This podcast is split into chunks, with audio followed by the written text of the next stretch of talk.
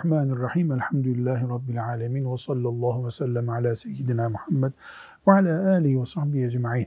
Riyazu Salihin kitabı bölümlere ayrılmış olduğunu görüyoruz. Bu bölümlerden bir tanesi de Müslümanın güzel ahlaklı olması ile ilgili bir bölüm. Riyazu Salihin hadis kitabı. Yani Peygamber sallallahu aleyhi ve sellemin sözlerinden oluşuyor. Bunun bölümlerinde şu başlık bu başlık olması da ne demek? Resulullah sallallahu aleyhi ve sellemin o başlık altında bize buyurduğu şeyler demek. Riyazu Salihin'in güzel ahlak diye bir bölümü varsa ve içinde de 10 tane hadis varsa bu ne demek oluyor? Peygamber sallallahu aleyhi ve sellemin bu konudaki 10 hadisini İmam Nevevi bizim öğrenmemizi istemiş demektir. Müslüman için bu ne anlam ihtiva ediyor?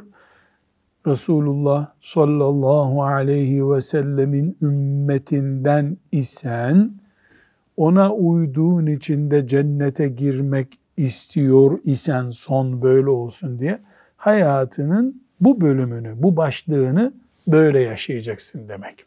Şimdi biraz sonra göreceğiz. Mesela sahabi diyor ki Resulullah sallallahu aleyhi ve sellem insanların en güzel ahlaklısı idi. Amenna. Elbette öyleydi.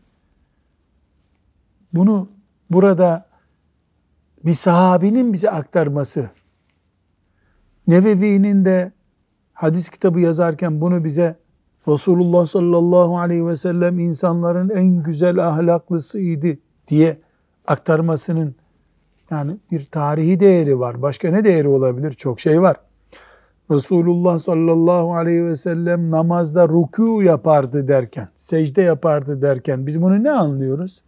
Sen de namaz kılıyorsan sen de ruku yapacaksın, secde yapacaksın diye anlıyoruz. Aynı sahabi ahlakını bize tarif ederken ne demek istiyor? Müslümanın ahlakı en güzel ahlak olur diyoruz. Bunu bu şekilde anlamadığımız zaman Peygamber sallallahu aleyhi ve sellem bizim için işte uzak bir yıldız, geceleri ışığı geliyor bize gibi haşa kalır.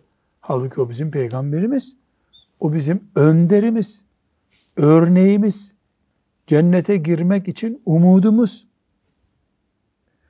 Onun bize yaramayan bir bölümü yok. Bize örnek olmayan bir bölümü yok. Allah onu bize güzel bir örnek olarak gönderdi. Namazda da örnek, cihatta da örnek, ahlakta da örnek. Bu çok önemli bir ayrıntı. Şimdi biraz sonra hadis-i şerifler okurken de bu mantıkla üzerinde duracağız.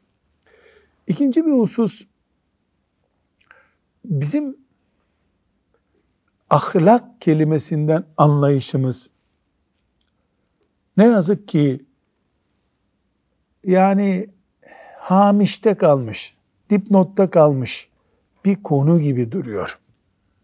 Salih Hoca e, ben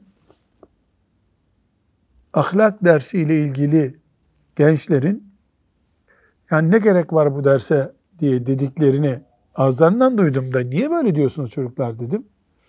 Bana dediler ki ama üniversitede çok soru çıkmıyor ondan dediler. Üniversiteye girmeyi etkilemiyor dediler. Yani bir İmam Hatip Lisesi'nde okuyan talebenin bile ağzından çıkabiliyor bu. Ee, yani çok soru çıkmıyor ondan. Ya bu ilimler ahlak olsun, matematik olsun soru çıkıyor diye öğrenilmemeli aslında. Kaldı ki ahlak ikinci plana atılabilecek bir şey değil. Biraz sonra hadis-i şerifleri göreceğiz. Allahu Teala ahlaklı mümin istiyor. Ahlaksız müminden razı değil Allah. Üçüncü bir mesele ahlak deyince ne anlıyoruz? Ahlak bir insanın diğer insanlara karşı tavırlarının adıdır. İnsanın insanlara karşı narin olması, mütevazi olması, hakka hukuka riayet ediyor olması, ince davranması gibi şeyler ahlaklı olduğunu gösterir. Ben bir insanım, benim annem babam var. Onlara karşı bir ahlakım var demek. Sorumluluk yani. Eşim var, ona karşı var. Çocuklarım var, çocuklara karşı ahlakım var. E arkadaşlarım var, arkadaşlara karşı ahlakım var. E e, dünya insanlarıyla beraber yaşıyorum. Velev ki aynı dinden olmasam. Onlara karşı ahlakım var. Ben başkasından görmek istemediğim şeyi başkasına da ben göstermemeliyim ki ahlaklı Müslüman olayım. Ve bu bizim için bir fantazi. Yani yaparsak çok iyi olur. Düzeyinde bir şey değil. Şimdi hadis-i şeriflerde göreceğiz ki Peygamber sallallahu aleyhi ve sellem öyle görmüyor. Öyle görmüyor. Namaz gibi görüyor. Oruç gibi görüyor. Onun için bir Müslüman mesela sakal bıraktı, hafız oldu, alim oldu diye ahlaki sorumlulukları kalkmıyor ki. Ahlak yine ahlak. Namaz başka şey. Biz şimdi yemekte su içiyoruz diye ekmek ihtiyacımız kalkıyor mu? Ya da işte çorbamızı bulduk diye su ihtiyacımız gidiyor mu? Yok. Su başka bir şey. Namaz bizim ekmeğimiz çorbamız gibi. Ahlak da suyumuz gibi mesela. Evet bugün bununla ilgili burada iki tane ayet almış. Nevevi Kalem suresinin dördüncü ayetini Hafız Salih okuyalım. Sen elbette büyük ahlak sahibisin. Diyor Peygamberimize sallallahu aleyhi ve selleme Allah Celle Celaluhu. Dolayısıyla peygamber eğer büyük bir ahlak üzere ise onun ümmeti de ne olmalı? Ahlakı büyük bir ümmet olmalı. Ali İmran suresinin 134. ayetinden okum. Allah'tan korkan kimseler öfkelerini yutarlar ve insanları affederler. Allah iyilik edenleri sever. Demek ki Allah'ın sevdiği kulları, Allah'tan hakkıyla korkanlardır. Onlar da öfkelerini yutuyorlar. Sinirlenince sayıp sövmüyor, vurup kırmıyor, itmiyor, küsmüyor, affetmeyi beceriyor. Bunlar hep ahlak bak. Başkasıyla alakalı olan şeyler. 622. hadisi şerifi okuyalım şimdi. Enes radıyallahu anh şöyle dedi. Enes kim? Efendimiz sallallahu aleyhi ve sellemin yakın has ashabından. Resulullah sallallahu aleyhi ve sellem insanların en güzel ahlaklısıydı. Evet, Bukhari'de, Müslim'de, Ebu Davud'da ve Tirmizi'de bu hadis-i şerif sahabi diyor ki insanların en güzel ahlaklısıydı. E bir peygamber öyle olacak zaten. Başka bir kelime söylenebilir mi?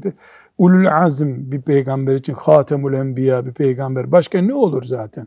Ama sen Müslümansan, onun ümmetindensen, hele hele hele hele ehli sünnet isen insanlar seni en ahlaklı, en güzel ahlak sahibi bilecekler ki senin ehli sünnet olduğun anlaşılmış olsun. Yani burada peygamberliğini bir yana e, belki değerlendirip sadece insanlık haliyle bile diğer insanlara bir- muamelesini bile ki bunu kafirlere karşı davranışında da Efendimiz böyleydi sallallahu aleyhi ve sellem. Sadece ona iman edenlere insani davranıyordu, öbürlerine kaba davranmıyordu. Onun için hiç kimse Efendimiz sallallahu aleyhi ve sellemi e, ahlak dışı bir şeyle itham etmedi kafir oldukları halde. Hepsi onu beyefendi diyoruz ya biz. Ahlaklı, merhametli, nazik, hakka hukuka saygılı. Ya. Ve eğer Müslümansak, Peygamber sallallahu aleyhi ve sellemin ümmetinden olmanın onurunu yaşamak istiyorsak, ahlakımızı bana da öyle davransınlar diye yapmayacağız. Allah karşılığını verecek diye yapacağız. Sadaka verirken bir sevap bekliyor muyuz? Bekliyoruz. Ahlaklı davranırken de sevap bekleyeceğiz Allah'tan. Çünkü bunu Allah için yapıyoruz biz. İnsandan bekletilmiş şu sorun var. Bir, iki, üç sen yaparsın sana yapmazlar. Düşersin onların seviyesine bu sefer. E peki biz ben bu mahallede namaz kılıyorum. Mahallenin yüzde 98'i namaz kılmıyor diye zamanla bırakıyor muyum namazı? Ahlak da öyle. Olmalı. Burada hocam o zaman şunu e, ara ara dillendiriliyor ya da biz duyuyoruz. Ama o peygamber de tabii ki en güzel ahlaklı olacak. Dolayısıyla biz onun kadar olamayız. E o O boşa çıkıyor o zaman bu. olur mu? Batıl bir sözü. Onun namazını da biz aynısını kılamıyoruz. Bırakıyor muyuz namazı? Kendi çapımıza göre kıbleye dönüp namazı kılıyoruz. Elbette Resulullah sallallahu aleyhi ve sellemin yanında Cebrail varken kıldığı namazı kılamıyoruz biz. Ama rekatları aynı, secdesi aynı, rükûu aynı, aynı namazı kılıyoruz. Ahlakta da öyle.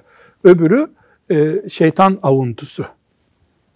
Evet bir sonraki hadis-i şerife geçelim. Yine Enes radıyallahu anh şöyle dedi. Ben Resulullah'ın sallallahu aleyhi ve sellem ellerinden daha yumuşak ne bir atlasa ne de bir ipeğe dokundum. Yani eline dokunmuş da Enes radıyallahu anh ne mutlu ona o eli öpmüştür. Ee, onun kadar narin bir beden görmedim. İpekten bile daha yumuşak. Evet. Resulullah'ın kokusundan daha hoş bir raiha koklamadım. Demek ki insanların yanına çıktığında Efendimiz sallallahu aleyhi ve sellem ter kokusuyla çıkmıyordu. Olmuyordu onda o. Evet. Resulullah'a tam 10 yıl hizmet etti. 10 yıl şaka değil. 10 yıl hizmet etmiş. Bana bir defa bile öf demedi. Ne demek öf demedi. Enes be yapmadı yani. Hiç mi yaramazlık yapmadı Enes? Var hadislerde yaptı. Ama o kendisine layık olan tavrı gösterdi. Çocuğa layık olan tavrı değil. Evet. Yaptığım bir şeyden dolayı niye böyle yaptın? Demediği gibi yapmadığım bir şey sebebiyle de şöyle yapsan olmaz mıydı demedi. Onu bile dememiş. Bu hiç kızmadığını, sinirlenmediğini, hep o kendi azametine uygun bir tavır sergilediğini sallallahu aleyhi ve sellemin gösteriyor. Tekrar buradan geliyoruz. Resulullah sallallahu aleyhi ve sellem çocuktu, büyüktü, kadındı, erkekti demeden, insanların içindeydi, yanı başı yalnızdı demeden, onun kimliğine uygun bir ahlakla insanlara davrandı. Temizliği de böyle, beden bakımı da böyle, konuşması da böyleydi. O zaman bizde ne anlıyoruz bundan biz? Biz de ümmeti Muhammed olarak onun sünnetine uyma iddiasındaki kimseler olarak biz de Allah'ın yardımıyla tıpkı onun gibi olmaya çalışacağız. E, demin senin söylediğin şey tekrar gündeme geldi. Tam onun gibi olamadık. E namazı da tam onun gibi kılamadık diye sev secdesi yapmıyor muyuz? Diyelim namazda şaşırdık. Ne yapıyoruz? Sev secdesi yapıyoruz. Sev secdesiyle düzelemeyecek kadar bir yanlış yaptık. Yeniden kılıyoruz. E, ahlakımız Resulullah sallallahu aleyhi ve selleme uymadı. E, özür dilerim. Özür dilemekle kapanacak bir şey değil. Yeniden gider asıl tavrımı gösteririm. Eşime karşı, ebeveynime karşı, komşuya karşı, arkadaşa karşı. Yani insanız elbette bir yerde bir yanlış olur. Namazın sev secdesi olduğu gibi insani ilişkiler, ahlak ilişkilerinde de özür var. Bu özürü de edebiyat olarak değil, samimi olarak yaparım. Biiznillahü Teala mesela insan annesine karşı öf bile demeyecek. Oldu şeytan kaydırdı öf dedi. 40 kere de ayağını öperim gene düzeltirim bu işi. Düşünmeli mümin. Evet. Sa'b İbni Cessame radıyallahu anh şöyle dedi. Resulullah sallallahu aleyhi ve selleme bir yaban eşeği hediye etmiştim. Fakat Resulullah onu kabul etmeyip bana geri verdi. Yüzüme bakıp da üzüldüğümü görünce hediyeni ihramda olduğumuz için almadık buyurdu. Şimdi bu hadis-i şerife biraz derin girelim. Bir Müslüman hac edeceği zaman mikat dediğimiz Mekke'ye giren kapılardan ihrama girmesi lazım. İhram ne demek? İki rekat namaz kılıyoruz. Ya Rabbi ben hacca niyet ettim kabul buyur diyoruz. Lebbeyk Allahümme lebbeyk lebbeyk la şerike leke lebbeyk. İnnel hamde ve ni'mete leke vel mülk la şerike lek diyoruz. Ve üzerimizde dikiş olan, dikişli olan ne kadar elbise varsa iç çamaşır dahi onu çıkarıyoruz. Buna ne deniyor? Bu işleme ihram deniyor. Biz ihram deyince o elbiselerimizi çıkarınca üzerimize aldığımız havlu var. Niye havlu alıyoruz? Havlu değil. asas gaye dikişsiz olduğu için. Ayakkabı da giymiyoruz. Ayakkabıda dikiş var çünkü. Terlik giyiyoruz o esnada. Bu pozisyona ihram deniyor. Bu ihram pozisyonunda başı örtmek yasak, kokulu sabun kullanmak yasak, tıraş olmak yasak. Böyle insan stresinden tüyü koparıyor. O yasak. Yani tam bir mahşer yeri. İnsan mahşer yerinde sabun kullanır mı? Mahşer yerinde e, tüylerini yolacak mı? Mahşer yerinde çok güneş bir şemsiye getirelim diyecek mi? O pozisyonu ihramda yaşamaya çalışıyoruz. O ihramla ilgili yasaklardan birisi de avlanma yasağı. Avlanmak da yasak. Bu sahabi e, Efendimiz sallallahu aleyhi ve selleme bir hediye getirmiş. Bu büyük ihtimalle avlanılmış bir hediye. Efendimiz sallallahu aleyhi ve sellem bunu kabul etmemiş. Kabul etmeyince üzülmüş adamcağız. Dinin hükümlerini de bilmediği için Efendimiz sallallahu aleyhi ve sellem ona izah etmiş. Yani uygun bir ortamda değiliz onun için alamadım senin hediyeni deyip gönlünü düzeltmiş. Burada ne görüyoruz? Yani bir Müslüman bir hediye getirmiş. Ona tenezzülsüzlük onun kalbini kırıyor. Efendimiz sallallahu aleyhi ve sellem le ala hulukin azim. Büyük ahlak üzere olduğu için onun gönlünü kırmıyor, düzeltiyor, pozisyonu açıklıyor. Bir hüküm daha öğreniyoruz burada. O da ne? E demek ki hediye de olsa gelen, karşı tarafta senin kıramayacağın bir tip de olsa Allahu Teala'nın yasak ettiği bir işe taviz yok. Yani bu adamın gönlünü kırmayayım, hediyeyi alayım dese Efendimiz sallallahu aleyhi ve sellem kendi koyduğu yasaklardan birisine kendihu muhalef etmiş, etmiş gibi olacaktı. Dinden taviz de yok. Taviz de yok. Evet bu hadisi şerifte bir kere daha bir Müslümanın ahlak konusunda nasıl hassas olması gerektiğini bize hatırlattı. E, dedik ki namazda sev secde yapıp hatayı düzeltiyorsun.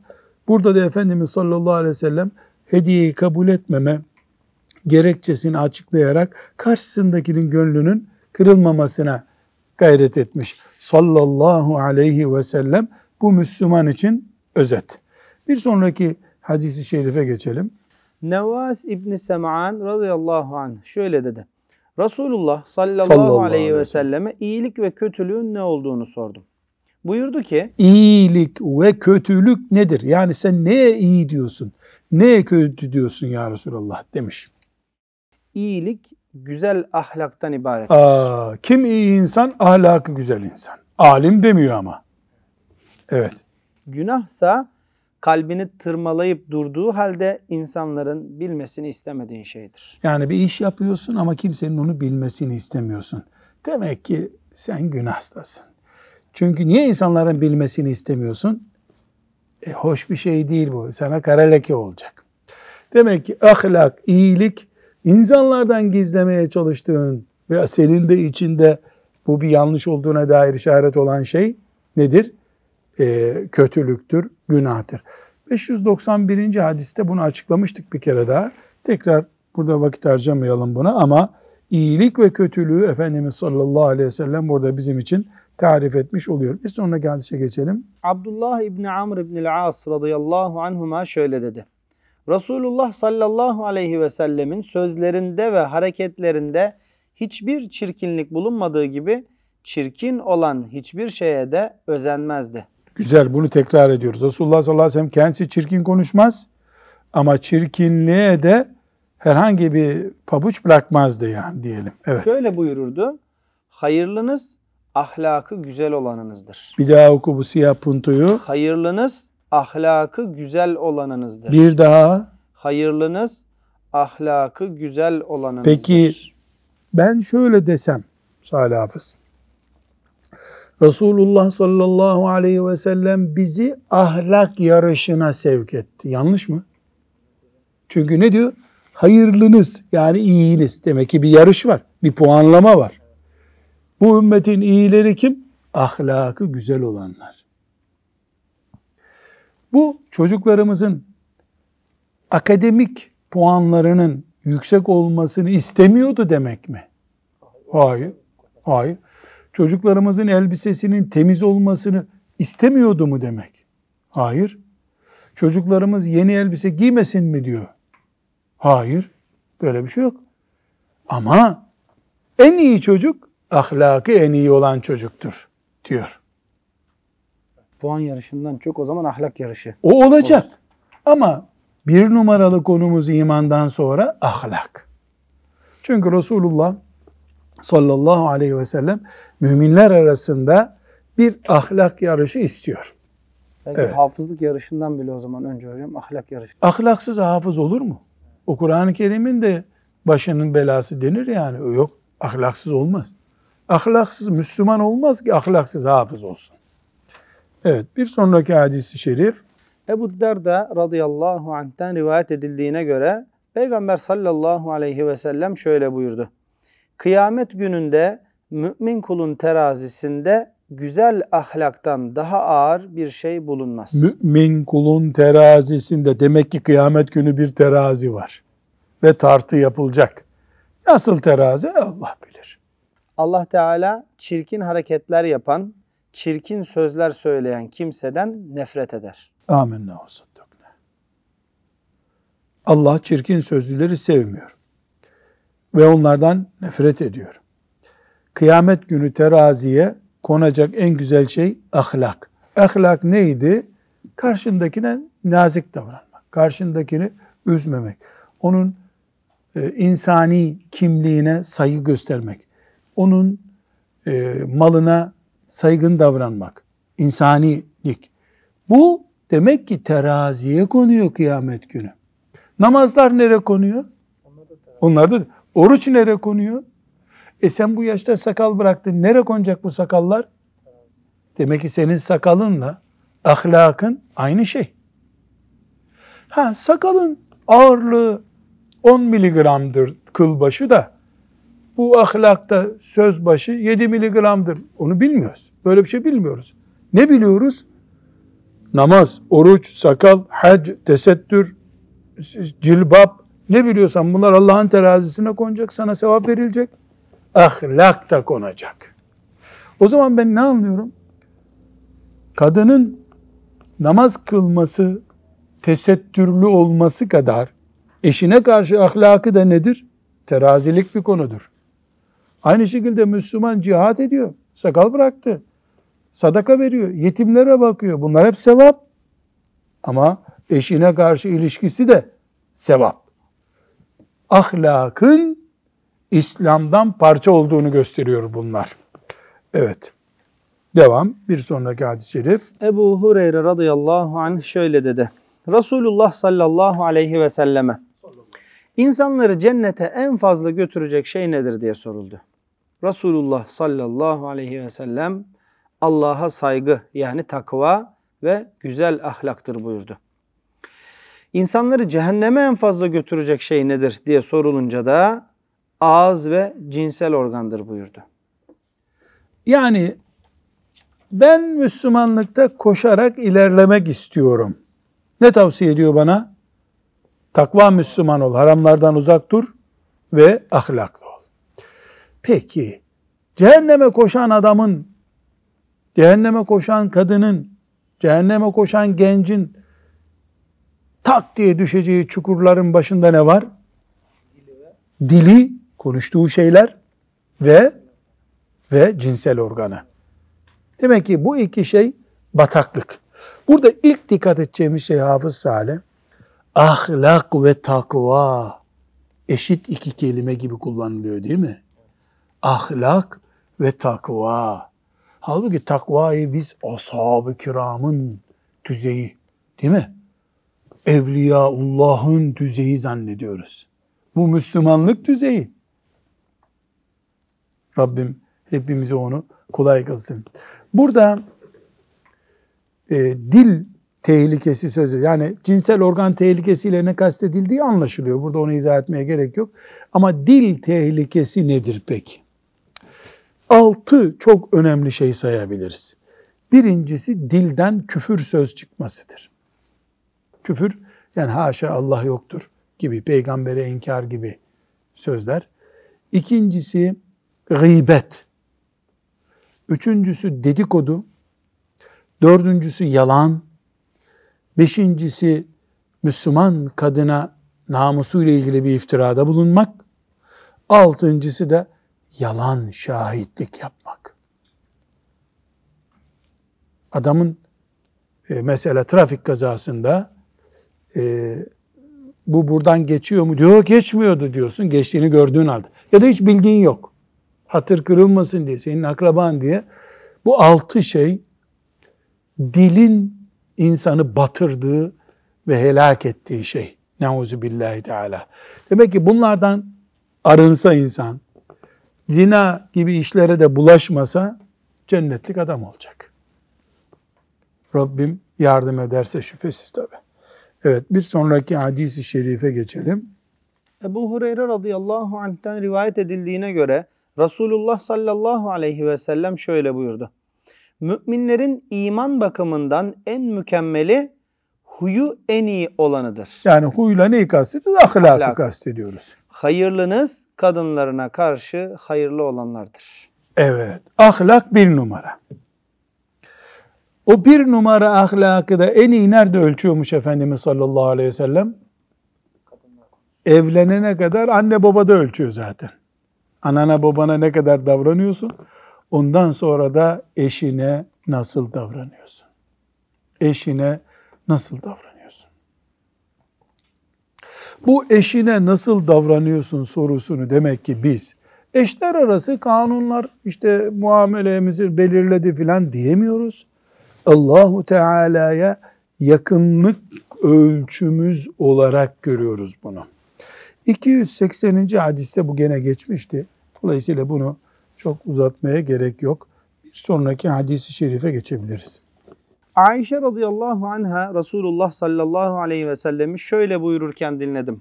Demiş. Yani Ayşe anamız Peygamber sallallahu aleyhi ve sellem'den dinlemiş. Allah ondan razı olsun bize diyor. Bir mümin güzel ahlakı sayesinde gündüz oruç tutup gece namaz kılan kimselerin derecesine ulaşır. Ya Allah. Şimdi Hasan hocam eskiden bu gençler belki az duymuştur. Bunlar artık bazı dinlemiyorlar sağda solda. Böyle İsrailoğullarının büyük evliyasından bahsederken işte 70 sene hep oruç tutmuş. İşte sabaha kadar hep namaz kılmış. Böyle menkıbeler anlatılırdı şimdi. Şimdi e, yani çünkü hakikaten sabaha kadar namaz kılmak bir gece yapar insan. Hadi iki gece, hadi üç gece. Ya ne, neredeyim, nasıl yapacağım bunu? Ama yapan kulları var Allah'ın. Bir de gündüz oruç tutuyorsun. Şekerin düşüyor. Bundan sonra gıdasızlıktan. Yani gündüz, gece böyle gündüz oruçlu, gece namazlı zirve demek. Peki Ayşe anamızın bu hadisi şerifinde, bu sahih hadis-i şerifte Efendimiz sallallahu aleyhi ve sellem güzel ahlakı hangi mertebeye getiriyor?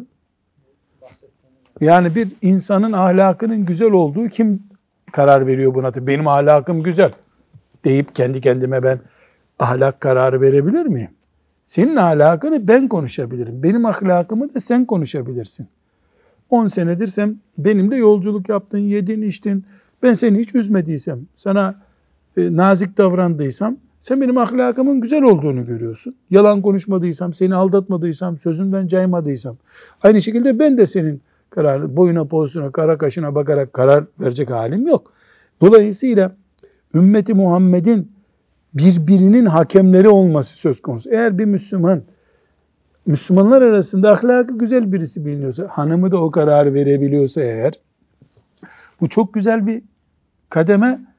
Bu Müslümanın puanlamasını nasıl yapıyor Efendimiz sallallahu aleyhi ve sellem? Sanki geceleri teheccüd kılıyor, gündüzleri de oruç tutuyor gibi. Bu da ne yapıyor bize? Gece orucu, e, gece ibadeti, gündüz orucunun ahlak gibi olduğunu, ahlakın böyle olduğunu gösteriyor. E tabi ne dedik başta? Ahlak bir fantazi değil, bir ibadettir. Ahlakı eksik olanın sakalı da olsa Müslümanlığı eksiktir. Bir sonraki hadis O zaman hocam burada yani biz o, o falanca işte oruç tutan, gece namaz kılan kişilerin seviyesine nasıl ulaşacağız ki? Onlar çok yüksek derecelerde hiç demenin konuşmaya de nezaketimizle, Evet. medeniyetimizle, ahlakımızla demek ki ama ulaşılabiliyor. kanundan korktuğumuz için değil. Allah'ı sevdiğimiz için. Bu ümmetin ahlakını yüksek tutmayı cihat kabul ettiğimiz için bunu yapacağız. Evet bir sonraki hadis-i şerife geçelim. Ebu Umame el-Bahili radıyallahu anh'ten rivayet edildiğine göre Resulullah sallallahu aleyhi ve sellem şöyle buyurdu.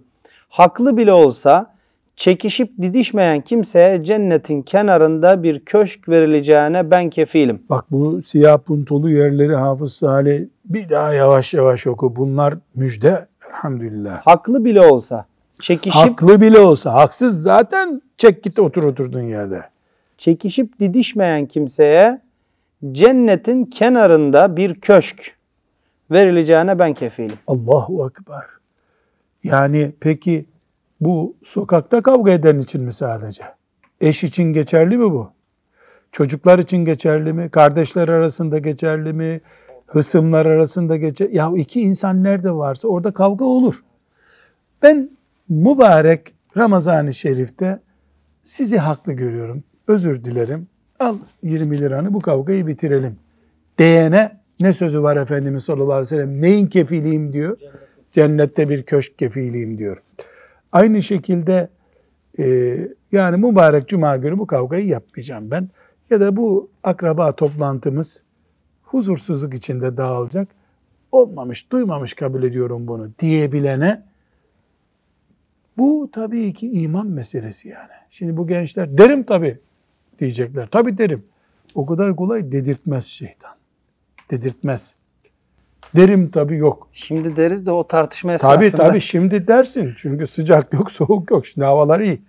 Ama o gerginlikte bile vel kazimine el gayza nefretini gömüyorsun içine. Ne için? Ümmetin kalitesi düşmesin. Allah ahlaka sevap veriyor. Peygamber sallallahu aleyhi ve sellem e, köşke kefilim diyor. Bunun hatırı için. Yapıyorsun. İşte ahlak bu. Demek ki Efendimiz sallallahu aleyhi ve sellem ümmetinin e, sosyal düzeyinin hep yüksek kalmasını istiyordu. Çünkü her mahallede bir tartışma olsa her gün sonunda o mahallede iman ve müminlik ve ümmet vasıfları derece kaybediyor. Bu çok önemli. Ee, burada e, inşallah Teala e, şimdi e, kolaydır diyoruz ama Allah yardım eder ve biz bunu samimi bir şekilde istersek e, Allah'ın izniyle o günde Rabbim yardım eder, dilimizi tutar. Devam edelim hadisem. Şakadan bile olsa yalan söylemeyen kimseye cennetin ortasında bir köşk verileceğine kefilim. Aa, yalanın şakası da yok demek. Devam. İyi huylu kimseye de cennetin en yüksek yerinde bir köşk verileceğine kefilim.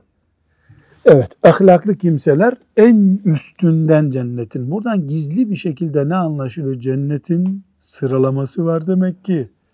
1, 2, 5, 20, 60, 80, 90, 100. Cennet kaç derecedir buyuruyor Efendimiz sallallahu aleyhi ve sellem? 100 derecedir. Her bir derecenin öbür dereceye mesafesi de buradan baktığımızdaki en uzak yıldızı gördüğümüz kadar bir mesafedir. Yani bu hadisi şerif 631. hadis bize diyor ki ahlakınızın kıymetini bilin.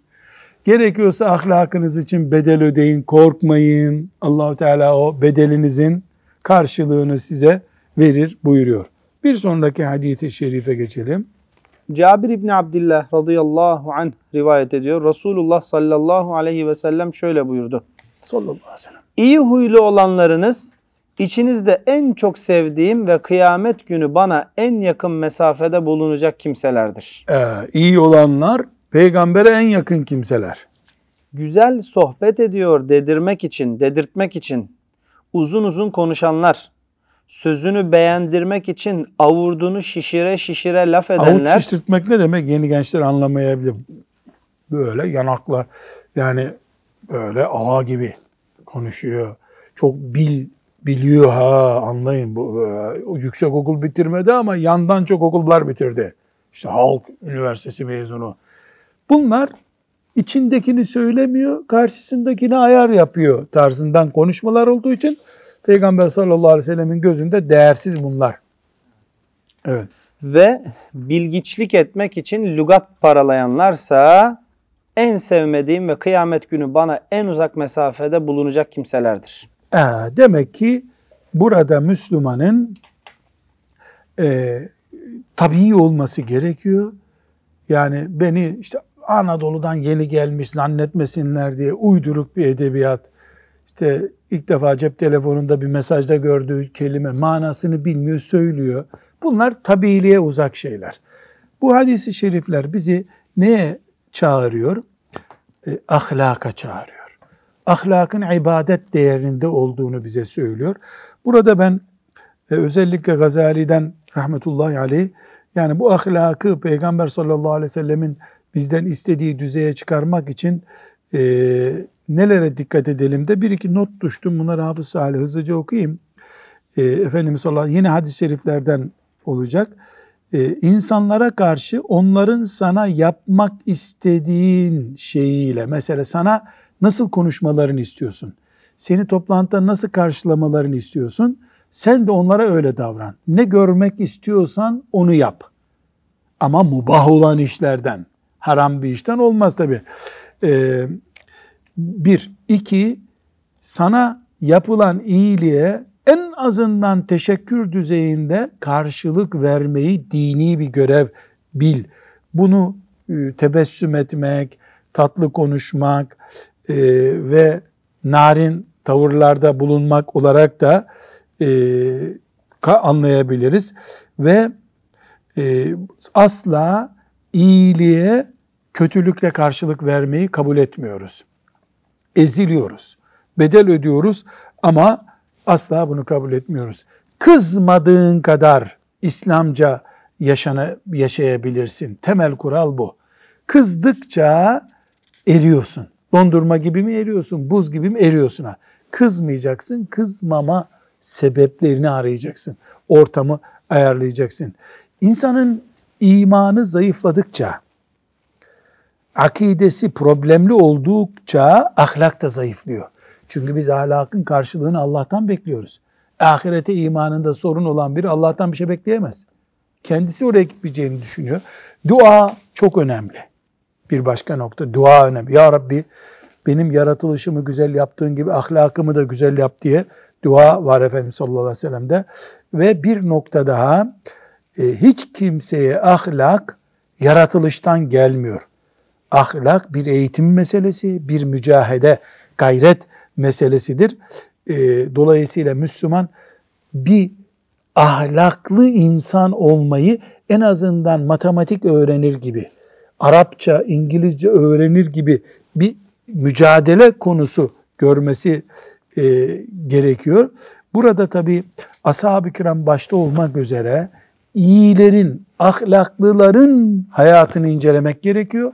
Ahlakı zayıf olanların da nelere uğradıklarını e, anlayan bu işi çok iyi çözer. Yani iyilerin ve kötülerin hakkında e, bir bilgi sahibi olmakta fayda var. Ve insan arkadaşının aynasıdır. Arkadaşı da onun aynasıdır. Arkadaş çok önemli. Bir nokta daha çok önemli. Ee, Müslüman tenkitten rahatsız olmamalı. Niye? Eğer sen tenkitten rahatsız olduğun bilinirse kimse sana bu ayıp, haram, caiz değil, yakışmadı, Allah'tan kork demez. Hemen ateşleniyorsun, küplere biniyorsun, hakaret kabul ediyorsun diye düşünülür. Ee, Allah Ömer'e rahmet eylesin radıyallahu anh ne diyordu? Bana ayıplarımı hediye edenden Allah razı olsun. Yani Ömer bu yaptığın uygun değil, yakışmadı sana diyeni ne kabul ediyor? Hediye etti bana kabul ediyor. Bana ayıplarımı hediye edenden Allah razı olsun. Müslümanın karakteri bu olmalı. Evet, güzel ahlakın dinimizden bir parça olduğunu, ekstra, lüks, böyle işte bir medeniyet gereği bir konu olarak onu görmediğimizi anlatan hadisi şerifleri okuduk. Allahu Teala'dan e, bu mücadelemizde yani ahlaklı olma mücadelemizde bizi yardımsız bırakmamasını niyaz ederiz. Ve sallallahu ve sellem ala seyyidina Muhammedin ve ala alihi ve sahbihi ecma'in velhamdülillahi rabbil alemin.